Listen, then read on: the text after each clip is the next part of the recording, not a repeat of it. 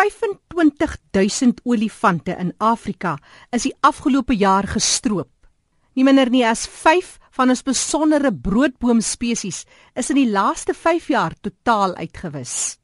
Meer oor smokkelhandel en hoe word wetstoepassers bemagtig in die proses.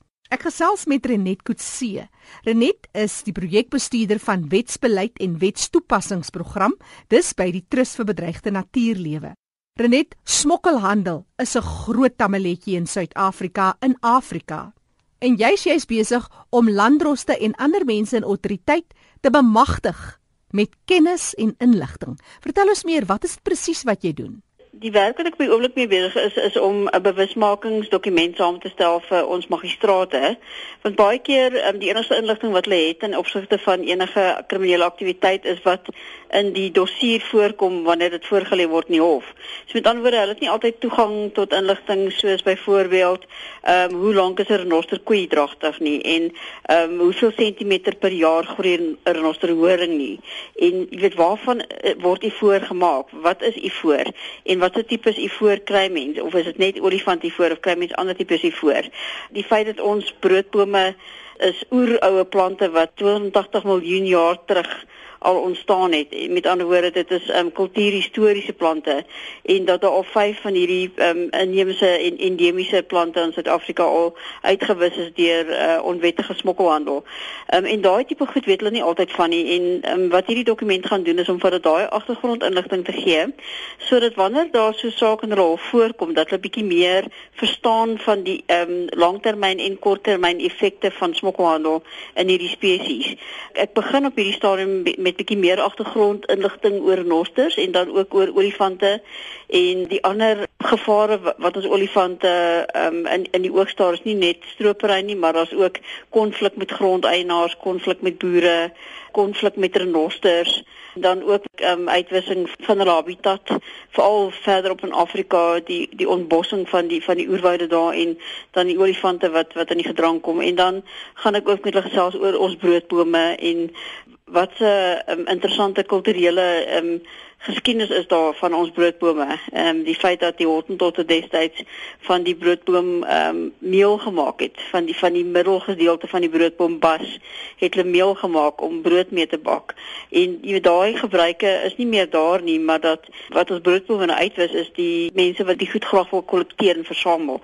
So hierdie hele ehm um, projek is besig om om hulle te help om daai tipe inligting te verstaan en te sien presies hoe word ons biodiversiteit benadeel deur verskeie kriminele aktiwiteite en dat hulle dan 'n beter verstandhouding het om 'n beter besluit te kan maak oor wat met die fondse wees op die einde van die dag. Dit help ons dan om sterker fondse te kry teen kriminele aktiwiteite teen ons biodiversiteit. Jy het nou vandag nie landdroste nie, jy het 'n hele Suid-Afrika en die wat na ons luister op die internet by erisg.co.za om 'n bietjie van hierdie interessanthede met ons te deel. En een van die goed wat jy baie nou ook mee werk, ek dink 'n interessante ding is die hele kwessie van ivoor. Vertel ons 'n bietjie meer oor ivoor. Ja, ek sien ivoor um, is al is al duisende jare in gebruik vir verskeie goed, jy weet in verskeie gelowe word ivoor gebruik om uh, standbeeldjies te maak vir verskeie gelowe. Soos um, selfs in die Christelike geloof is daar standbeeldjies wat van ivoor gemaak word. Klavier, klawers is destyds van olifant ivoor gemaak en van kiaathout en so aan. En um, dan natuurlik in jou tempels, in jou uh, boeddhiste tempels in die ooste, um, maak hulle ook um, standbeeldjies van ivoor. En so ivoor is al baie baie jare in gebruik en oor die algemeen um, het dit nie so groot impak gehad op olifante nie, maar al hoe meer en meer en meer word olifante gestroop vir die ivoor want dit is nou deel van georganiseerde misdaad. Hmm. En daar's nou ouens wat wat ivoor versamel sodat hulle dit op die swart mark kan verkoop. En ons ons weet dat in die afgelope 2 jaar is daar 25000 olifante gestroop in Afrika. Dit is as gevolg van van geldgierigheid en mense wat wil geld maak uit ivoor en uit die verkoop van ivoor. So dis nie so veel die ouens wat die ivoor gebruik nie, maar dis die geldgierigheid en natuurlik die feit dat mense kan gebruik in georganiseerde misdaad. So meer en meer word georganiseerde misdaad betrokke by biodiversiteit. Ehm um, en die gebruik van renosterhoring, ivoor, selfs ons abalone en dit word alles word ehm um, geskakel met narkotika en met wapensmokkelhandel en met smokkelhandel in mense.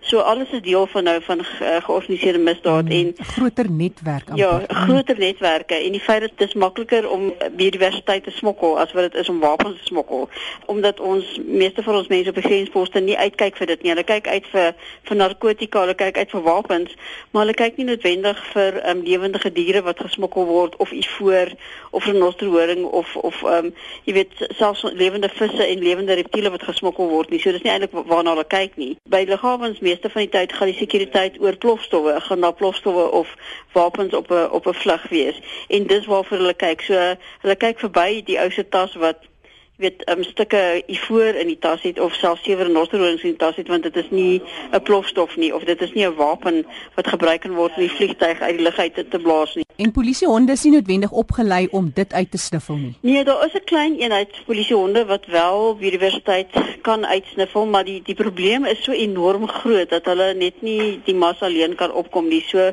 van die SARS honde is ook nou opgelei en natuurlik het die het ons trust het ook vier honde wat nou opgelei is om biodiversiteit um, uit te reik. So hulle kan op hierdie stadium kan hulle ivoor en renosterhoring kan hulle um, opspoor.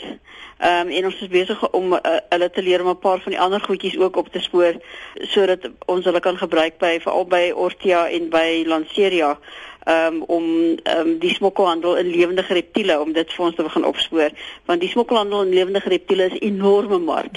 En omdat so baie van ons biodiversiteitswetstoepassing personeel se fokus na renosterhoring is um, kom die ander smokkelhandelaars weg met wat hulle doen. So ons het inligting van van die beamptes af wat sê dat hulle weet van duisende reptiele en voëls wat maandeliks uitgesmokkel word uit die land uit. Lewende diere wat uitgesmokkel word uit die land uit en wat daar nie genoeg wetstoepassers op die grond is om daai goed op te spoor en iets daan te doen nie. So dis nou waar die honde waar die honde handig gaan inkom ons te help om ja. uh, om daai goed uit te sniffel en ons hoop dat ons hulle selfs ook kan leer om broodbome op te spoor vir die weet om die ouens wat die broodbome se uitsmokkel te um, ook te vang want dit gaan gewoonlik uit in uh, kratte wat gemerk is as uh, pype of jy weet uh, tools of iets in daai lyn en dan um, word die word die broodbome so uitgesmokkel en hooplik sal hierdie honde dan daai goed kan begin opspoor en dan kan ons hierdie ouens begin vang. Renet ek wil net nog gou ietsie oor u voor vir jou vra. Ons praat mos nou van byvoorbeeld ons Afrika olifant en 'n paar ander spesies. Verskil die u voor ook baie drasties is daar ene wat meer in aanvraag is as as van die ander spesies hoe werk dit? Ja, ek, ek dink olifant u voor op hierdie stadium is, is die grootste navraag.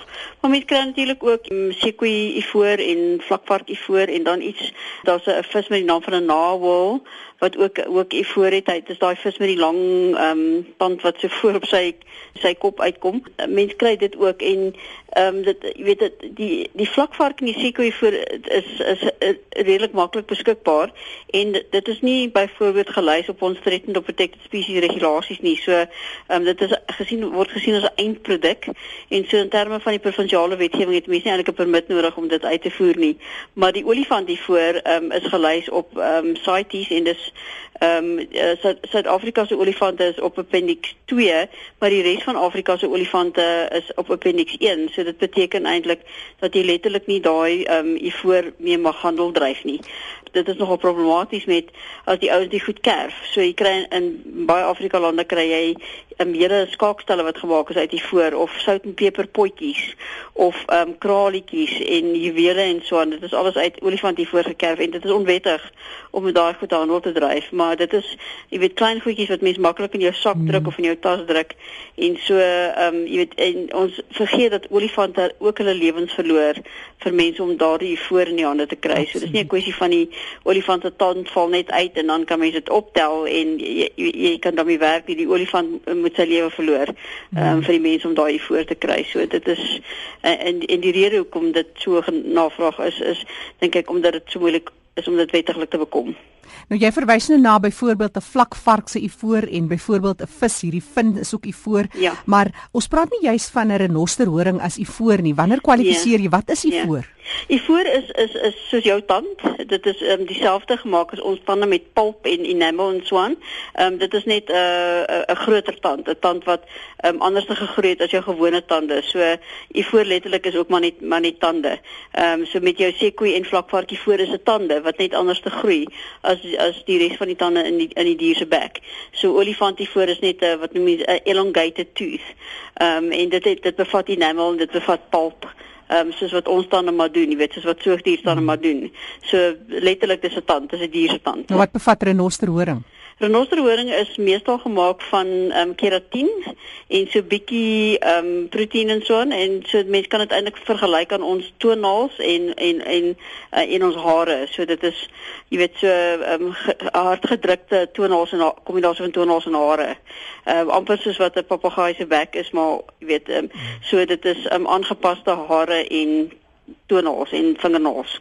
So dis hoekom ons baie keer vir die vir die verbruikers van renosterhoring sê jy weet as jy as jy renosterhoring in jou wyn gaan drink om jou jou te help om jou kanker weg te vat dan kan jy maar net sê wel jou naels en jou toenails en jou vingernaels opkerf en dit drink want dit gaan basies dieselfde effek hê want dit is basies waar renosterhoring bestaan. Net watter lande is hoog op die lysie as 'n mens kyk na smokkelhandel hier uit Suid-Afrika in Afrika in want toe. Ja, weet jy ek dink ehm um, van van uit Afrika uit uh, veral vir lewendige ehm um, troeteldier dryf is daar groot markte in Europa en Amerika um, en natuurlik in Asië veral vir voëls op die Asiëse markte. En dan vir broodbome um, is ons bewus van broodbome wat uitgaan na Amerika toe, Australië toe en ook na die Midde-Ooste toe. Ehm um, en selfs na Japan toe. En dan vir natuurlik renosterhoring op hierdie stadium is die grootste verbruikers van renosterhoring is uh, Vietnam en dan ivoor gaan na ehm um, na baie uh, meeste van die oosterse lande toe Thailand, uh, Sri Lanka, Laos, China um, en ook tot 'n mate ook na na Vietnam toe maar meest meestal eintlik na China, ehm um, Thailand en Sri Lanka, Laos en daai daai tipe lande toe waar jy weet waar dit gebruik word vir uh, uh vir die kerk van standbeeldjies in ehm um, in die in die tempels daar. Dis Renet Kutse wat met ons gedeel het die inligting en die kennis wat sy ingesamel het juis om landdroste, magistraatshowe en so meer te vergewis van die feite ten opsigte van smokkelhandel. Renet is projekbestuurder wetsbeleid en wetstoepassingsprogram by die Trust vir Bedreigde Natuurlewe. Renet, julle het 'n webtuiste waar mense kan gaan lees en kyk na van die projekte, interessanthede en so meer. Dis www.ewt.org